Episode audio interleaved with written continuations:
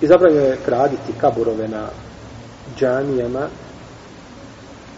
To ste zabranio dža, e, graditi džanije na kaburove.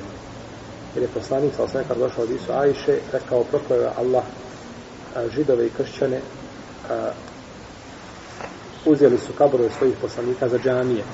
U drugoj predaji kaže Ferate tehidu el kubure mesađid fe inni en hakuman zalike. Ja vam to zabranjujem nemojte, ja vam to zabranjujem i opet pored toga možete danas naći koliko hoćete džamija da su ljudi e, ukopani neki dobri Allahovi robovi pobožni u džamijama pa se ovaj, što je pogrdno.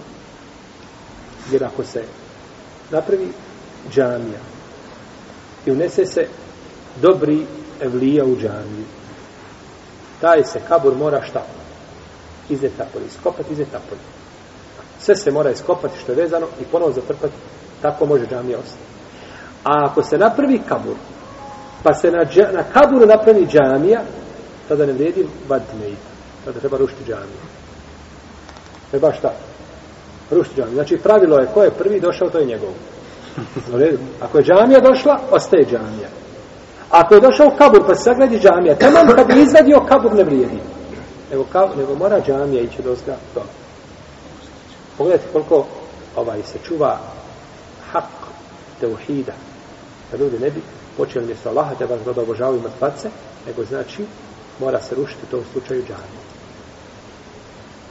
Dobro. Šta ćemo sa poslanikom sallallahu sallam džamija?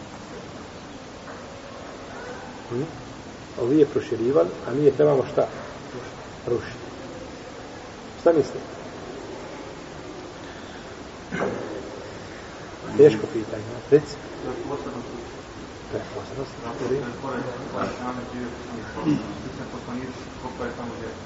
Bravo, bravo, bravo.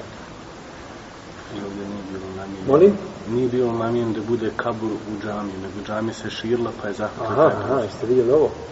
Znači, poslanik je sa osam ukopan u sobi, Ajše rodio lopano. Nije to bilo mjesto džamije, nego kad se džamija proširivala, Allah, ali koliko sećamo, 88. iđeske godine, u vreme Mervana ibn Abdul Melika, da je tada u Medini nije bilo ashaba. Neki su bili van, a većina ih je vesela. Pa su širenjem obuhvatili džamiju. Znači, širenjem su obuhvatili šta? Džamije poslanika sa osrame, I nakon toga ulema se je složila na tome propisu. A? Na tome se propis složila radi smrti poslanika sa osadame. Na tom mjestu, da to bude ukopan, jer je to je Bubekre, znači prenio taj hadis da se poslanici ukopavaju tamo gdje umiru.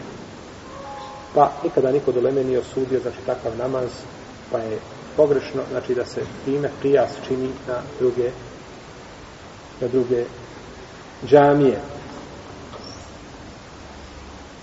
Iako bi najbolje bilo da se to nije uradilo. Najbolje je bilo da se to nije uradilo, da se širila džamija na drugu stranu, da bude van, znači zidovi da budu džamije van kabura, ali međutim, desilo se što se desilo.